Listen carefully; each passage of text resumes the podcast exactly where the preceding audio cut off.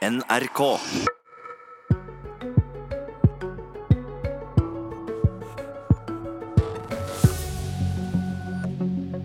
I dag starter forhandlingene om ei flertallsregjering. Statsministeren og KrF-nestlederen gjør opp status det neste kvarteret. Vel møtt til årets første Politiske kvarter.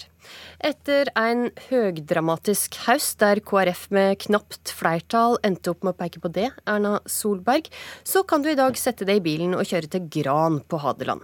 Der skal du starte forhandlingene som kan munne ut i et mål du har hatt i årevis, nemlig ei ikke-sosialistisk flertallsregjering. Og først så lurer jeg på, hva sak blir den aller vanskeligste å bli enig om? Det er jo ikke sånn at i den typen forhandlinger at det er én sak som er avgjørende. Det er jo summen for hvert enkelt parti som er avgjørende. og Det betyr at du kan ikke plukke én sak og si at det er den aller vanskeligste. Men hvis du skulle peke Nei, på noen politikkområder som blir krevende, da? Jeg ser veldig mange oppsummere det liksom med politikkområder enkeltvis og enkeltvis. Hvis vi må forstå sånne forhandlinger som vi skal inn i nå, så er utgangspunktet at du må lete i de tingene man er enige om, og at summen i det man kan være enige om, er det som er viktigst for hvert enkelt parti.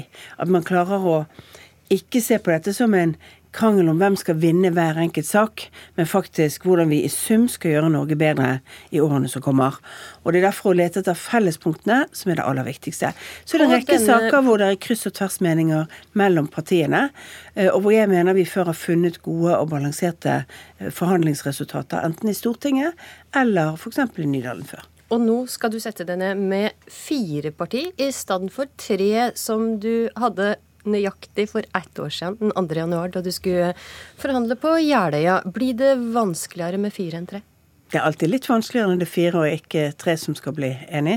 Det er jo sånn at når du øker antallet, så har man ett sett med, med standpunkt som, som, er annerledes, og som i tillegg skal tas med og tas hensyn til i, eh, i, i de løsningene du finner. Og så er det samtidig sånn at tre partier har funnet sammen gode løsninger i fjor for egentlig en hel fireårsperiode. Og det betyr at vi har noen fastpunkt også, som gjør at det, det, er litt annerledes enn i fjor. For i fjor startet vi egentlig med å lage en plattform for en fireårsperiode. Vi har startet mye av det arbeidet som, som eh, ble lansert i fjor, og det er jo viktige kjernepunkt som vi skal fortsette med. F.eks. et integreringsløft og en inkluderingsdugnad. Det som gjør at eh, færre barn skal leve i fattigdom i fremtiden, er jo først og fremst at foreldrene deres kommer i jobb. Mm. Så har du det nye partiet, altså KrF, som har et, et splitta parti. Vil du som forhandlingsleder ta ekstra omsyn til KrF i disse forhandlingene? Det er klart at Når KrF kommer inn i disse forhandlingene, så er det et nytt parti som ikke var med på, på den basisen som ligger for dagens regjering. Det betyr selvfølgelig at de skal få satt sitt preg på sine viktigste politiske saker gjennom forhandlingene. Men samtidig er det sånn at, eh, at alle fire partiene må være enige. Og Det betyr at vi skal ta hensyn til alle fires kjerneinteresser og oppgaver. Og så skal vi ikke minst av alt ta hensyn til hva som er best for Norge for Men fremtiden. Men siden da KrF har et splitta parti i ryggen, og, og Kjell Ingolf Ropstad som sitter her, kan komme til å slite med å selge dette resultatet inn til sitt eget parti, vil du gi KrF noen flere seire enn f.eks. Venstre? Jeg mener det viktigste er at vi finner disse fellespunktene mellom de fire, og ikke ser på forhandlinger bare som liksom nullsumspill. Jeg mener at noe av det fine vi gjorde når vi satt på Jeløya, var at vi fant frem til gode felles løsninger som gikk utover det som noen av partiene på forhånd hadde hatt som egne standpunkter, men ikke i riktig retning. Og det er ikke sånn at du tar særlig hensyn til de enkelte. Jeg må ta særlig hensyn til at vi faktisk når i mål med et resultat som gjør Norge bedre disse årene som kommer. Så ingen særlig hensyn til KrF der, altså? Ingen særlig hensyn til noen, for det er fire partier som til slutt skal få vedtatt alle disse tingene i sine partier. Ei av de mest betente sakene som ligger på bordet på Granvolden, er abortspørsmålet. Og jeg skal forsøke å forstå litt av ditt utgangspunkt. Går du inn i disse forhandlingene med ei åpning for at lovteksten i paragraf 2c kan endres eller fjernes? Jeg har faktisk ikke noe nytt å melde om den diskusjonen. Den har jeg svart på utførlige ganger før. Jeg har sagt at vi var villige til å snakke om disse spørsmålene. Og så har jeg sagt to viktige betingelser fra Høyres vedkommende. Og det ene er at kvinners stilling og retten til å bestemme er eh, tas vare på. Uansett hvilke endringer eh, vi gjør i dette. Eh, og at eh, det er altså mulig å, å, se på lovtekst i disse spørsmålene. Men ellers har jeg ikke noe mer, og har jeg ikke tenkt å si noe mer heller. Det er mulig å se på lovteksten, men jeg at det er jo viktig.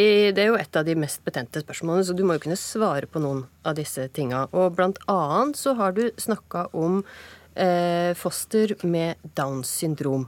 Og mener du at Downs syndrom skal være et selvstendig abortgrunnlag, eller ikke? Det jeg har sagt tidligere, er jo at egenskaper knyttet til, til det enkelte fosteret, f.eks. det at man har et ekstra kromosom, i utgangspunktet oppleves som diskriminerende hvis dette er et grunnlag for, det, grunnlag for abort. Så skal vi nå forhandle om det, og så har ikke jeg tenkt å gå mer detaljert inn i det. Men hvis du skal hindre at dette oppleves som diskriminerende, så må du vel fjerne grunnlaget for å ta abort? Du kan glede deg til resultatet fra forhandlingene når det kommer, og så får du vurdere å gjøre det da. Både Venstre og Frp sier bestemt nei til å endre dagens abortlov. Og i veivalget KrF gjorde i høst, så blei eh, håpet om endringa i abortlov ved det ved roret brukt som argument for å velge blå side. Kjenner du på denne skvisen ved forhandlingsstart? Jeg står for de åpningene som Høyre har gitt, veldig tydelig under hva Høyres standpunktet og Høyres eh, åpning har vært til det. Og så får dere komme tilbake til alle spørsmålene når vi er ferdig med å forhandle. Men hva partiet Høyre har gjort, og hva du har sagt personlig, er jo ikke helt det samme, da. Jo, altså det jeg har sagt, er at Høyre var villig til å snakke om disse spørsmålene i forhandlinger. Og det er helt, eh, helt eh, omforent i Høyre at vi skulle si. Ok. Vi får gå litt over til det generelle igjen. Altså, Du var litt inne på det. Det har allerede Jeløya-plattformen. Er det punkt i den plattformen der du mener at en trenger ei revidering? Det er punkt i den plattformen som er gjennomført, som eh, vi derfor på en måte kan si at er i gang. Det er punkt i den plattformen som vi skal gjennomføre. Og så er det punkt i den plattformen hvor vi har sett at det vi der løste, kanskje ikke var den riktige måten å gjøre på å finne nye ting. Men i tillegg så skal vi også gjøre mer. For vi opplever jo at vi har gjort veldig mye av det som sto i plattformen. Kan det komme med noen eksempel på nye ting du tenker bør inn? Nei, men Dette kommer jo inn som en del av disse forhandlingene mellom, mellom de fire partiene. For Høyres vedkommende så er jo utdanningssatsing alltid en viktig del av, av satsingen. Eh, det er blant de prioriteringene vi har på kunnskap, kompetanse, utdanning.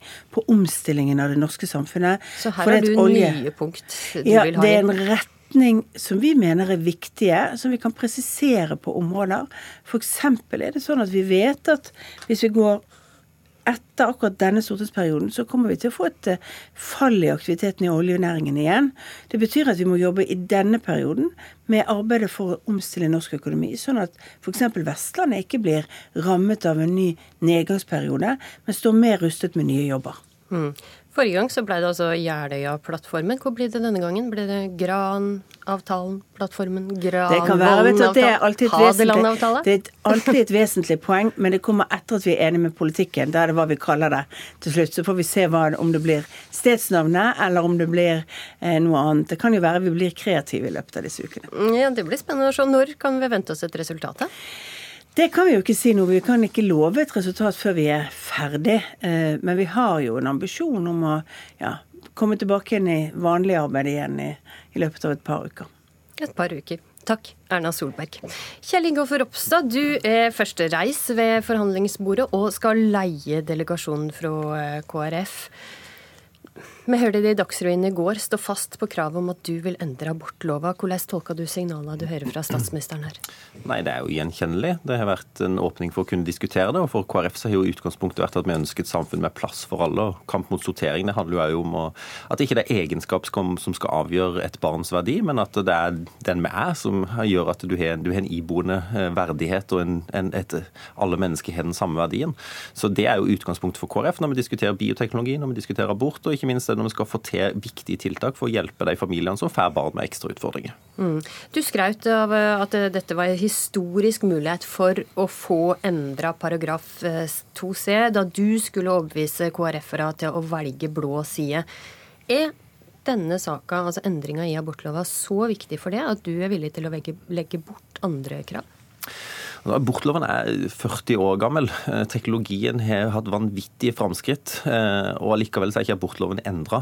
Jeg mener at den, det bør han gjøres. Eh, den bør justeres ut ifra den teknologiske utviklinga. Det at en vet så mye mer om et foster i dag enn det en gjorde for 40 år siden, burde jo òg gjøre at en gjorde noen justeringer. Det er derfor vi i utgangspunktet reviderer bioteknologiloven hver stortingsperiode. og KrF sitt mål er jo at det er etikken som skal styre over teknikken og teknologien, fordi at du skal ha noen rettesnorer som skal bestemme hva som er rett og galt i et samfunn.